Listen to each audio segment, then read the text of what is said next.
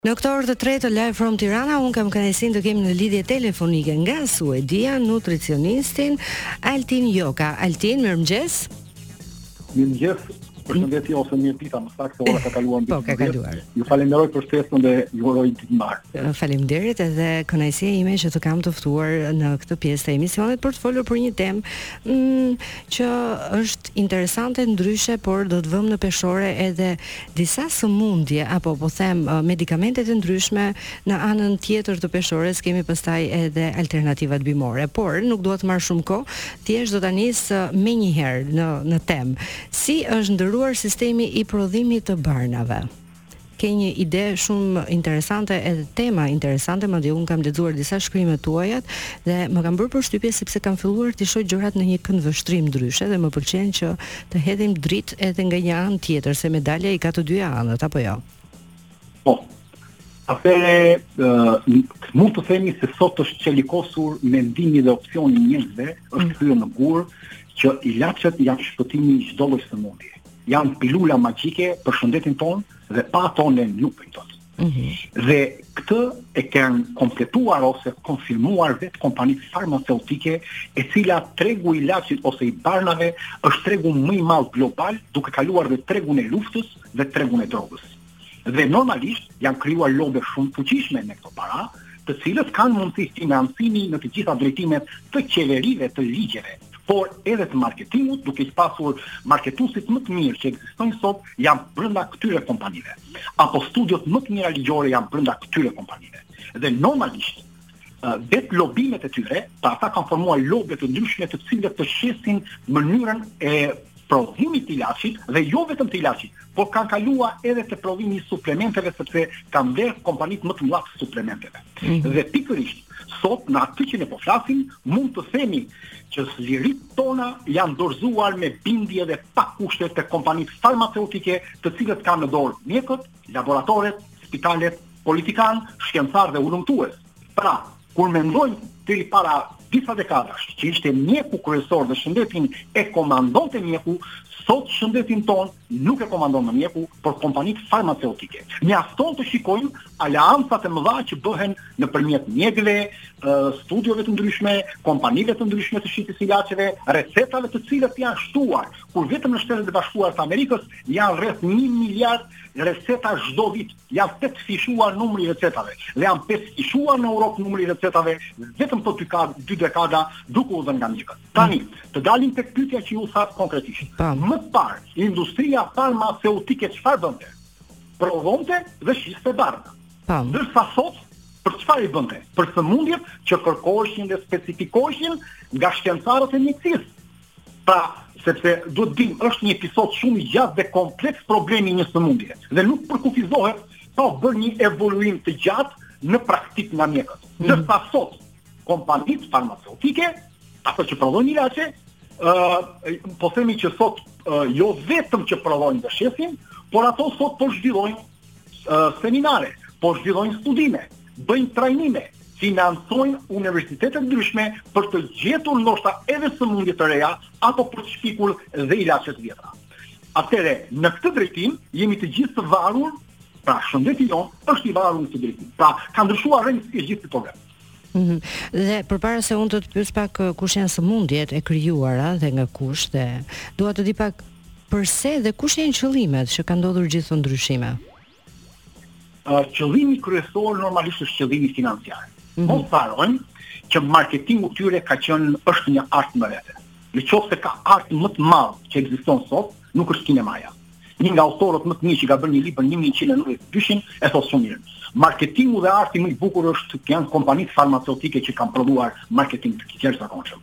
Pra shesin një produkt i cili ndoshta mundet të jetë ë miratuar nga një organizatë ndërkombëtare siç FDA-ja apo dhe EFSA në Europë, vetëm me disa përqind rezultate te pacientët dhe shumica e ilaçeve është e çuditshme janë bërë në laboratore me minj, eksperimentet që dalin.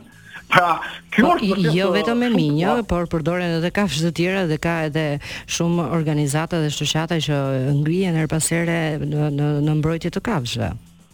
Po, por unë po flasim kryesisht janë me minj se aty janë marrë kryesisht e i ngjan ADN-ja e ose trupi reagimi i miut me me personin. Shiko çfarë thotë një nga uh, më të mëdhenjtë uh, pronarët më të mëdhenj para 50 viteve i kompanive farmaceutike. Ëndra ime është të bëj ilaçe për njerëz të shëndetshëm. Aty fillon një marketing i jashtëzakonshëm që duhen bindur njerëzit e shëndetshëm që ka një problem të vogël në shëndetin e tyre. Dhe çfarë u bë?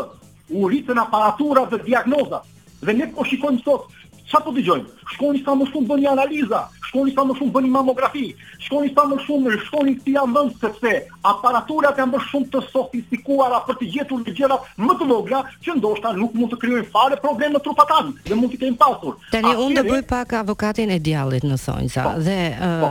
thuhet shpesh herë që diagnostikimi i hershëm i sëmundjeve të ndryshme parandalon edhe shpëton jetë. Çfarë të keqe ka që ti të kontrollohesh herë pas here, a i ke parametrat në rregull apo jo? Pare, kjo është dema, kjo është demagogji.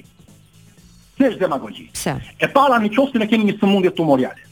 Sëmundja tumoriale në momentin që zbulon një aparaturë, janë afërsisht 4 deri në 6 milion, më fal, miliard qeliza kancerogjene. Pra kur ato formojnë një shtëpi dhe një kullë, atëherë aparatura si mamografia, skaneri apo elementë të tjerë e kapin këtë sëmundje. Mos harrojmë që kanceri nuk është thjesht një ndërtesë. Hyjnë qelizat tona dhe qarkullon në gjak. Tan. Atëherë çfarë ndodh me gjetjen e kësaj? Ne kemi zbuluar dhe me që kemi zbuluar ne mund ta kurojmë këtë sëmundje apo do vazhdojmë? Çfarë është vënë re? që 85 për qind të gjithë njerëzve që janë e kanë kapur kancerin, si ta kishin kapur dhe mos bënin asgjë. Si të kishin marrë rezultatet për të vazhduar procedurat kimike apo edhe në mjekësi, jetëgjatësia e tyre pothuajse është e barabartë dhe në disa raste në qoftë se nuk e marrin vesh është më e madhe. Pse? Në momentin që ti merr vesh një sëmundje të rëndë në trupin tënd, Ti pëson një një traumë psikike të jashtëzakonshme. Po, kjo është e vërtetë. Kjo dëmton sistemin tënd imunitar, sistemin endokrin dhe gjithë metabolizmin tënd duke zbalancuar. Dhe në atë moment fillojnë periodat e rrezikshme për ty, duke menduar në çdo kohë se çfarë do ndodhë me ty. Rritet niveli i kortizolit në gjak, i cili është një helm në trupin tonë dhe kjo bën që të kthehet në disfavor.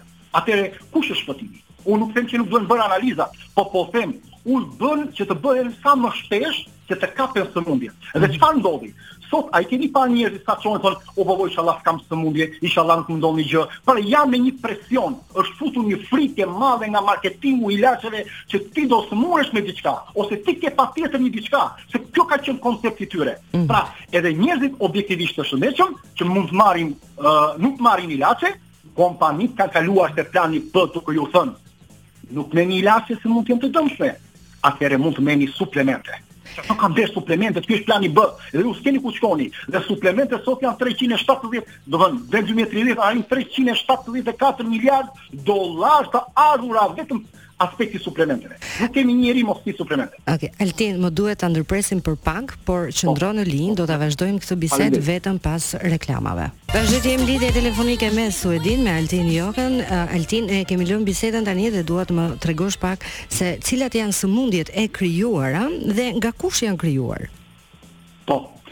Të bëj një pyetje unë ty, meqë më thatë për një pyetje ta bëj, se duhet ta bëja pjesën e parë. Po. Ë, uh, në qoftë se kemi gjithë këto rezultate të larta në mjekësi, edhe nga farmaceutika, përse nuk gjenden kura përfundimtare për diabetin, për tumoret dhe për hipertensionin? Për tre mm. sëmundjet bazë. Është një pyetje 1000 dollarëshe.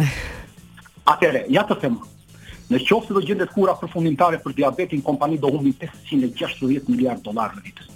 Dhe në qoftë se do gjendet për kura të tumoreve, do humbin gjashtëqind e pesëdhjetë miliardë dollarë dhe po të gjendej kura për hipertensionin, do humbisnin tetëqind miliardë dollarë çdo vit. Pra, përfundimisht, llogarite për çfarë shumash po flasim, normalisht ne e dimë shumë mirë, pesëdhjetë milionë njerëz çdo vit në botë i shtohen njerëzve me hipertension, pra të rinj, nga statistikat. Pra llogarite se çfarë bagazhi financiar përfitohet nga këto gjëra. Mhm. Tani mm -hmm. kalojmë tek sëmundjet. Po. Një nga librat më të mira e ka bërë Lynn Payer, një një shkrimtare mjekësore e talentuar e cila ka vdekur fatkeqësisht, që ka bërë një libër Nxitësit e sëmundjeve. Dhe në 92-shin, pra para 30 viteve. Atëherë llogarite çfarë shkruante sa bukur thoshte. Ajo përkufizonte një praktikë mashtruse si një përpjekje për të bindur njerëzit për të shtuar ilaçet e reja që janë të sëmurë duke duke financuar mjekët dhe universitetet pikërisht për të gjetur sëmundje të reja. Dhe çfarë ndodhi në vitin 2000? Ndodhi problemi me kolesterolin, që atëherë nuk kishte asnjë shqetësim nga mjekët kardiologë.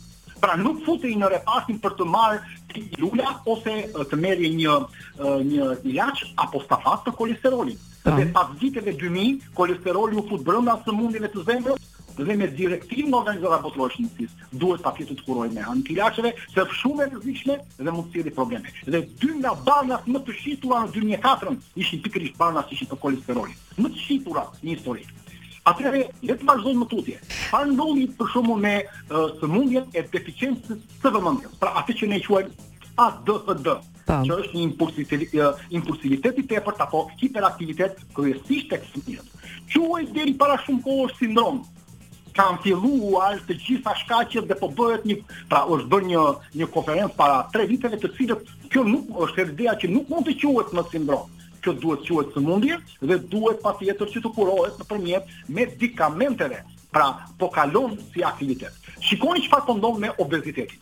Obeziteti deri para disa vitesh quhej si sëmundje, jo sëmundje, por si gjendje metabolike, pra problem metabolik në trupin tonë. Vetë Organizata Botërore e Shëndetësisë në vitin 2022 çfarë tha? Obeziteti në Europë është kthyer në pandemi dhe në një sëmundje të vërtetë që duhet patjetër të merren masa. Dhe çfarë ndodhi një vit para se të ndodhte kjo? U hodhën ilaçet e para dhe më të fuqishme për obezitetin, Dhe jo vetëm kaq, po mendohet që të hidhen vetëm në këto vite që po vihet në studime, të hidhen rreth 10-15 preparate të tjera kundër obezitetit me ilaçe. Pra, të kurohet obeziteti me ilaçe, kur mund të kurohet deri para shumë kohësh nëpërmjet dietës, ushqimit dhe stilit të jetesës. Mirë, obezitetin të gjithë e dimë që nuk mund ta klasifikojmë në një sëmundje, por thjesht është mungesa e aktivitetit fizik apo kequshqyerja janë po- janë faktorë që kanë lidhje me stilin e jetës apo jo? Ashtu thoni ju, po ajo po kthehet, ajo po po vendoset nga kompani po lobojnë që të kthehet sëmundje, të quhet sëmundje, edhe sëmundje kronike madje. Dhe po futën sëmundje kronike, ti jeni e bindur që ju duhet të jeni gjithë jetën me ilaçe. Vetë obeziteti, obezitet. Altin vetë obeziteti sepse e di të paktën që kur një njeri që është obez automatikisht ka sëmundje të tjera, ka problematika, nuk do i quaja sëmundje, por ka problematika të tjera që vijnë si po, rezultat i obezitetit. Po atëherë unë po të them duan ta klasifikojnë si sëmundje. Mm -hmm. Ju po thoni që nuk është sëmundje, unë po të them duan ta klasifikojnë dhe do klasifikohet. Për këtë jeni e bindur dhe kur më thoni fëmijët tuaj pastaj do të binden që kjo është sëmundje dhe do vazhdohet këtë drejtim. Megjithatë kalojmë në një në një pikë tjetër. Po. Shikoni problemin e rënies së flokëve. Deri në vitet 1990, rënia e flokëve quhej si diçka normale ose transmetim gjenetik tek të tjerët, po. apo si pasojë e disa sindromave të ndryshme në trup të paktën nga gjithë mjekësia. Pas viteve 1995, Në të gjithë seminaret filloi që të diskutohej dhe thuhej, rënie e flokëve nuk mund të quhet më një sindromë e disa problemeve të caktuara gjenetike apo dhe problemeve të tjera, por duhet përcaktuar si një sëmundje dhe në dy mijë e njëshin pikërisht disa nga ilaçet që u prodhuan ishin më të shiturat për rënien e flokëve duke fituar disa miliarda dollarë. Vetëm nga kompanitë më të mëdha e cila quhet që është e edukimit mjekësor Vivo e mbështetur pikërisht nga gjithë këto korporata që ne thamë ka bërë një formim mjekësor të gjithë mjekëve në botë dhe shoh çfarë thotë në programin e saj mjekëve duke i shkruar. IBS-ja, pra sindroma e zorrës së irrituar, po. duhet të vendoset në mendjen e mjekëve si një gjendje e një sëmundje të rëndësishme dhe të rëndë. Pacientët duhet të binden prej mjekëve që kjo nuk është thjesht një çrregullim i thjeshtë, por kjo është një sëmundje që duhet kuruar patjetër nëpërmjet medikamenteve. Deri para disa viteve kjo quhej sindrom, Sindroma e zorrës së irrituar, ajo po kthehet në sëmundje. Kalojmë në një hap tjetër. Pra, shikoni kur ne kemi pasur fobinë sociale rreth viteve një mijë e nëntëqind e nëntëdhjetë. Mm. Fobia sociale kurohej nëpërmjet psikologëve dhe nëpërmjet psikiatërve pa medikamente. Pra, thyrje shpirti. Për shembull, ju keni një ndarje nga një njeri i zemrës. Po. Ju ju ka vdekur një person. Ju keni një fatkeqësi që ju ka ndodhur në një moment të caktuar dhe ju kaloni në disa probleme të fobisë sociale dhe çfarë bëhet? kjo kalohet pra një gjendje shkatërrimtare të shpirtit, po e themi farmace, mm -hmm. ka kaluar që të përdoret një ilaç dhe në vitin 1998 u bë një konferencë që të provohen. Dhe sot janë më shumë se 32 preparate që ta dini e nderuar vetëm për këtë gjë. Para 95-s nuk ekzistonin këto preparate. Tjetër gjë, u shpik sëmundja e syrit të thatë. Vetë klinika Mayo, një nga klinikat më të mira të specializuara thotë, ë ë kjo sindroma e syrit të thatë po. vjen pra e lotit, pra kanalet e lotit që po. bllokohen në një moment, po. vjen ose kur shikojmë ekranin për kohë të gjatë, ose kur shikojmë celularin, ose kur jemi duke hecur dhe na fryn erë, ose duke bërë vrap, ose ajri i kondicionuar në makinë, në shtëpi, pra në ambiente të ndryshme. Çfarë ka ndodhur?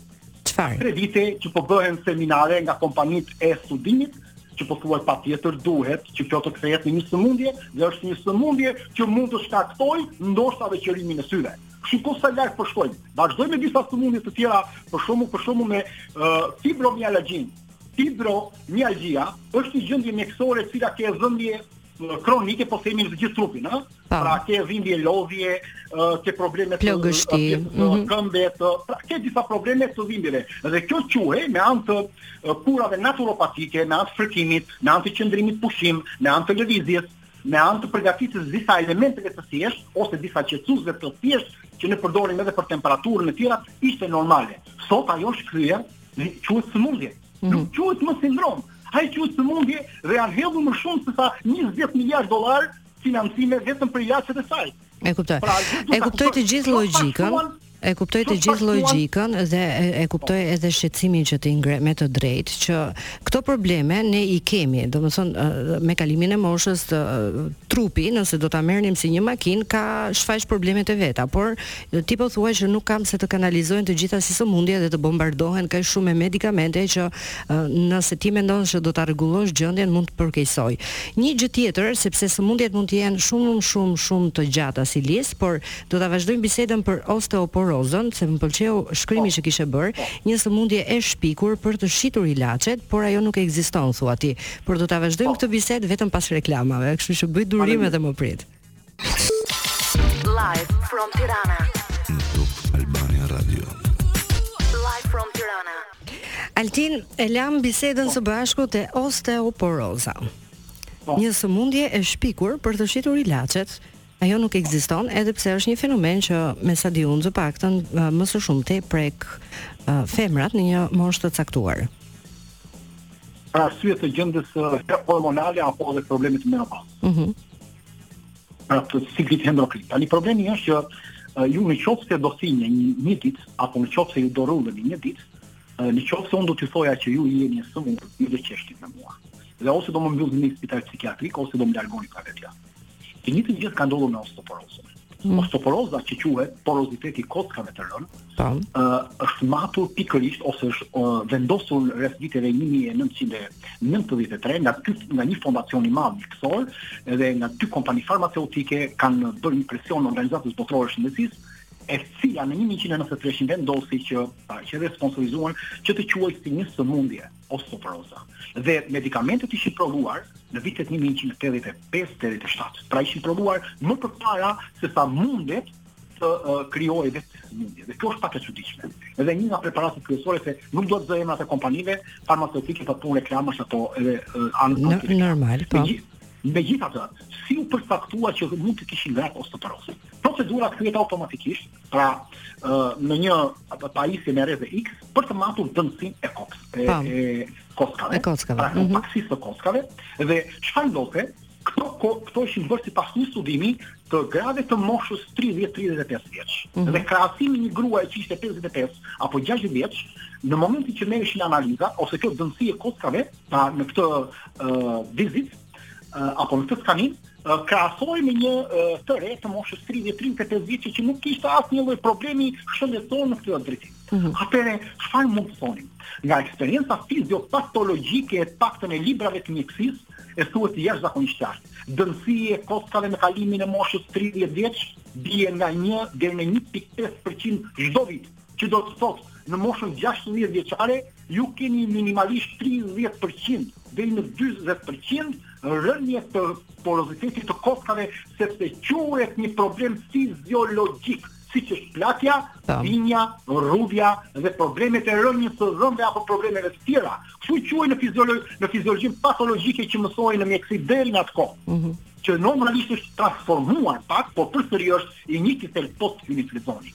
Atëherë, në qoftë se ka një ritëm natyral i rënies së osteoporozës, Në qoftë se sëmundja e cila të osteopenisë, të cilës para të dalim te osteoporoza, sepse ashtu quheshin në përgjithësi, nuk kishin nevojë për medikamente më parë mjekët. Dhe është bërë një analizë ose një studim 35 vite para se të dilte problemi i ilaçeve të osteoporozës dhe si sëmundje dhe nuk u përcaktua si sëmundje rreth viteve 1990 e ca.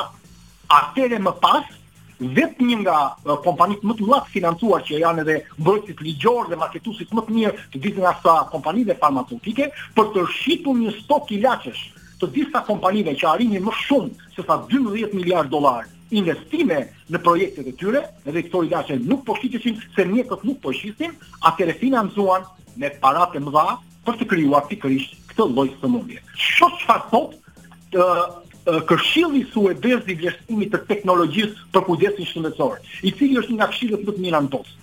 Shih çfarë thotë në një artikull të tyre. Nuk ka asnjë provë shkencore për të mbështetur përdorimin e matjes së densitetit të, të densitetit të kockave dhe të quhet si një metodë e sëmundjes në qoftë se ajo kalon një proces fiziologjik. E kuptoj. Një artikull përsëri i krijuar në gazetën e endokrinologjisë dhe metabolizmit të Shteteve të Bashkuara të Amerikës u pa që asnjë frakturë që ndo, që iu fut frika gjithë grave, me qindra milion gra u futën në pajisje sepse u hodh ideja do ju thyhen kockat, frakturat me ije, po u rrëzuat, po u dëmtuat, do keni probleme me këto, atëherë shih çfarë thotë kjo gazetë. Frakturat që te kafshët që janë gjetur për arsye të justifikimit të osteoporozës, Kanë parë që në tetë mijë e gjashtëdhjetë e pesë pjesëmarrës nuk kanë asnjë lidhje me problemin e osteoporozës dhe ilaçet nuk kanë ndikuar në mosthyrjen e pjesës së legenit apo frakturave. Madje, ilaçet sipas katër analizave metaanalizave kanë shkaktuar kancer të mitrës, sepse ka nivele të larta të estrogjeneve dhe kancer të gjirit te gratë sepse ne e dimë, estrogjenet dhe ksenoestrogjenet janë nga burimet kryesore të të zhvillimit të tumoreve, te gratë. Kështu që në këtë drejtim, rezultati që u bë një krahasim i skeletit të një personi apo të shpinës, ne kemi parë që është ky problem. Tani e kuptoj, edhe dua dua ta përmbledhim pak duke qenë se jemi edhe në fund. E kuptoj që nuk të gjithë këto teori dhe të jap të drejtë tani që po e mendoj ndryshe, por problemet në trupin njerëzor ekzistojnë. Tani Duke qenë se e gjithë kjo bujë po bëhet për të pasuruar një kategori të caktuar njerëzish, ndërkohë ka dhe alternativa për të lehtësuar edhe për të them për të ndihmuar veten që të jemi më energjik edhe mos kemi kaq shumë dhimbje, se ka njerëz që kanë edhe dhimbje të caktuara nga osteoporoza apo nga gjëra të tjera.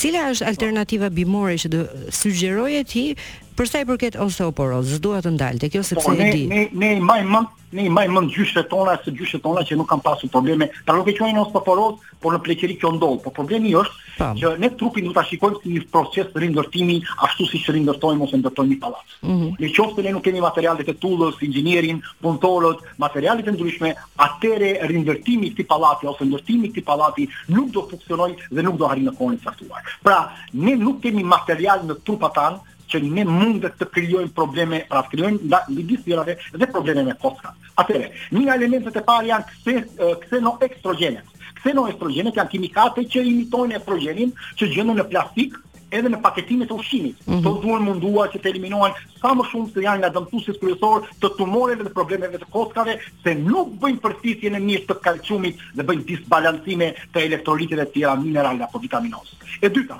Dëmtimi i sistemit endokrin. Sistemi endokrin është një nga pa, është është një element thelbësor në mbajtjen e sëmundshmërisë të shumë problematikave, po sidomos të, të kockave apo të eshtrave. Dhe këto nuk dëmtohen nga disa arsye përveç borit, kadiumit, plumbit, klorit, florit, aluminit, mërkurit, që merren në natyrë, merren në ajër, merren në ushqim, merren nga toka. Elementi i tretë, Duhet shikuar patjetër bilanci i pështymës pehashit në trupin tonë. Të gjithë personat që kanë një nivel acidik të lartë, probabilitetin e madh e kanë, padiskutueshëm që do të krijojnë probleme me kockat. Atëherë duhet ta parandalojmë që në këtë momentin e parë. Elementi i katërt që duhet të kemi parasysh, eliminimi i kafes Jo në sasi të lartë, pra nuk duhet pirë kafja në sasi të lartë. Eliminimi i duhanit, pra po themi disa masa parandaluese për të kaluar pastaj në qoftë se do na ndodhi problem. Mm. Eliminimi i alkoolit, dietat e pasura me proteina shtazore ose me klorur natriumi apo me nivele të larta kripash dhe sheqernash. Elementet e larta të suplementeve dhe ilaçeve të konsumuar gjatë jetës tonë Se ato ndodhin gradualisht trupi nuk sëmuret në një ditë. Çfarë i hedhim sot trupit është shëndeti jonë i të ardhmes. Kurrë nuk e kthen sot imediatisht shëndetin tonë ajo që ne konsumojmë apo fusim në gojë. Pra, këto faktorë të proteinës dhe klorurit të natriumit dhe sheqerit ndërhyjnë në metabolizmin fosfokalcik, të cilët janë faktorë të dëmshëm të cilët kanë probleme pikërisht tek matrica, domethënë më saktë shkaktojnë një acidozë të latencës të matricës jashtë qelizore dhe krijojnë problemet e asaj që ne quajmë osteoporozë, artrit apo dhe probleme të tjera. Pra ne japim terrenin e caktuar. Intoleranca ndaj glutenit, mhm. intoleranca ndaj laktozës, mungesa e disa mineraleve dhe uh, vitaminave të cilat nuk i marrim. Ne po i marrim vitaminat dhe mineralet, por po ja vëmë fajin tokës që nuk ka. Jo, është problemi në mikrobiomën tonë që ka një disbalancim dhe enzimat tona nuk funksionojnë për t'i përthithur dhe ndarë. Pra nuk kemi një ekuilibrim. Trupi jonë nuk ka nevojë për sasi të caktuar të një vitamine. Ka nevojë për një ekuilibër dhe një masë të caktuar të standardizuar të ushqimit që duhet ta kthejmë në formën e ilaçit. Tani, nga aspekti i kurimit, E para fare, ne duhet të ndalojmë produktet shtazore, siç është mishi, sepse proteina shtazore kanë nivele të larta acidifikuese në veshkat tona dhe veshkat tona për të ruajtur që mos dalin Në aspektin e dializës, thithin kalciumin nga koskat sepse kalciumi është pika që kthen alkalinitetin në trupin tonë. Dhe kjo bën që ne ta heqim kalciumin nga koskat tona dhe të kthejmë një problem ndryshe. Por edhe në marrjen e sasisë të kalciumit që mund të bëjmë, rrit një problem akoma më prap. Edhe sasia e vogël dhe sasia e tepërt shkaktojnë pikërisht disbalancim në koska. Dhe për këtë ne duhet të ndërpresim këto. E dyta, një pastrim i mirë i gjithë aspektit sidomos të mëlçisë. Nëpërmjet ose gurëve zeolit, ose klorelës, ose alfalfës, ose acidit alfa-lipoik, të cilët janë nga detoksifikuesit më të mirë, apo edhe lëngjet, të cilat mund të jenë ndërtuar midis selinos, karotës, gjembit të gomarit, pra duhet detoksifikuar një herë mëlçia. Duhen rritur niveli probiotikëve në zorrën tonë dhe enzimave, duke përdorur probiotikë natyralë si kefiri, kosi, kimçi apo lakra turshi, lëngu i lakrës, uthulla e të tjerë, ose edhe probiotikë të tjerë shtesë në qoftë se Nuk i kemi këto mundësi dhe pastaj të vazhdojmë pra me pastrimin e mëlçisë, me mosmarrjen e këtyre ushqimeve që ta parandalojmë ose ta ndalojmë pak frenimin e dhimbjeve dhe të sëmundjes më tutje. Dhe pastaj me rikuperimin e florës tonë të zorrës, atëherë ne kemi filluar që të marrim elementët plus. Atëherë ne do përdorim një një dietë antiinflamatore dhe bimore, ku duhet përfshirë shafrani i Indisë ose turmeriku që quhet, xhinxheri,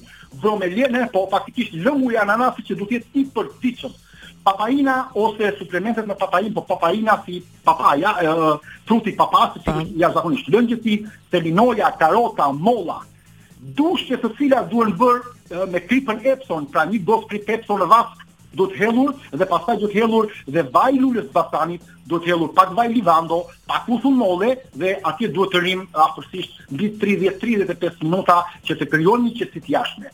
Lulen e vajit të basanit ne mund të bëjmë dhe fërkimin e eshtrave dhe të kockave për një qetësi, po po ashtu mund të krijojmë edhe një spec pikant Pra me një krem të specit pikant, qoftë se nuk e marrin të gatshëm, mund ta krijojnë vetë nëpërmjet dyllit, vajit të ullirit, vajit të lules së basanit, edhe specin pikant, duke i shkrirë këto në mikrovalë ose në banjo mari krijohet një krem kur ftohet nëpërmjet dyllit që mund të ka kudo. Mm. Element tjetër është përdorimi i vajit të merlucit, jo omega 3. Omega 3 është një element i vajit të merlucit, se vaji i merlucit ka nivele të larta dhe vitaminës D dhe ka disa elementë shtesë në krahasim me këtë, me omega 3.